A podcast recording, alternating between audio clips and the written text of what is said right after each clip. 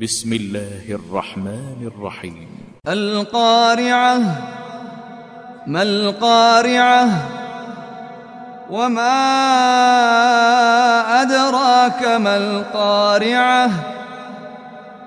يوم يكون الناس كالفراش المبثوث وتكون الجبال كالعهن المنفوش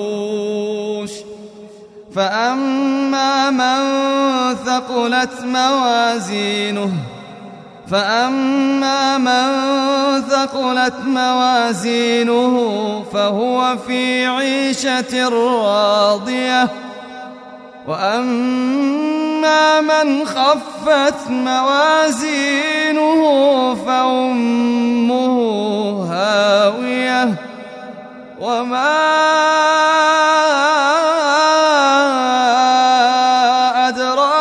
ما هي نار حامية.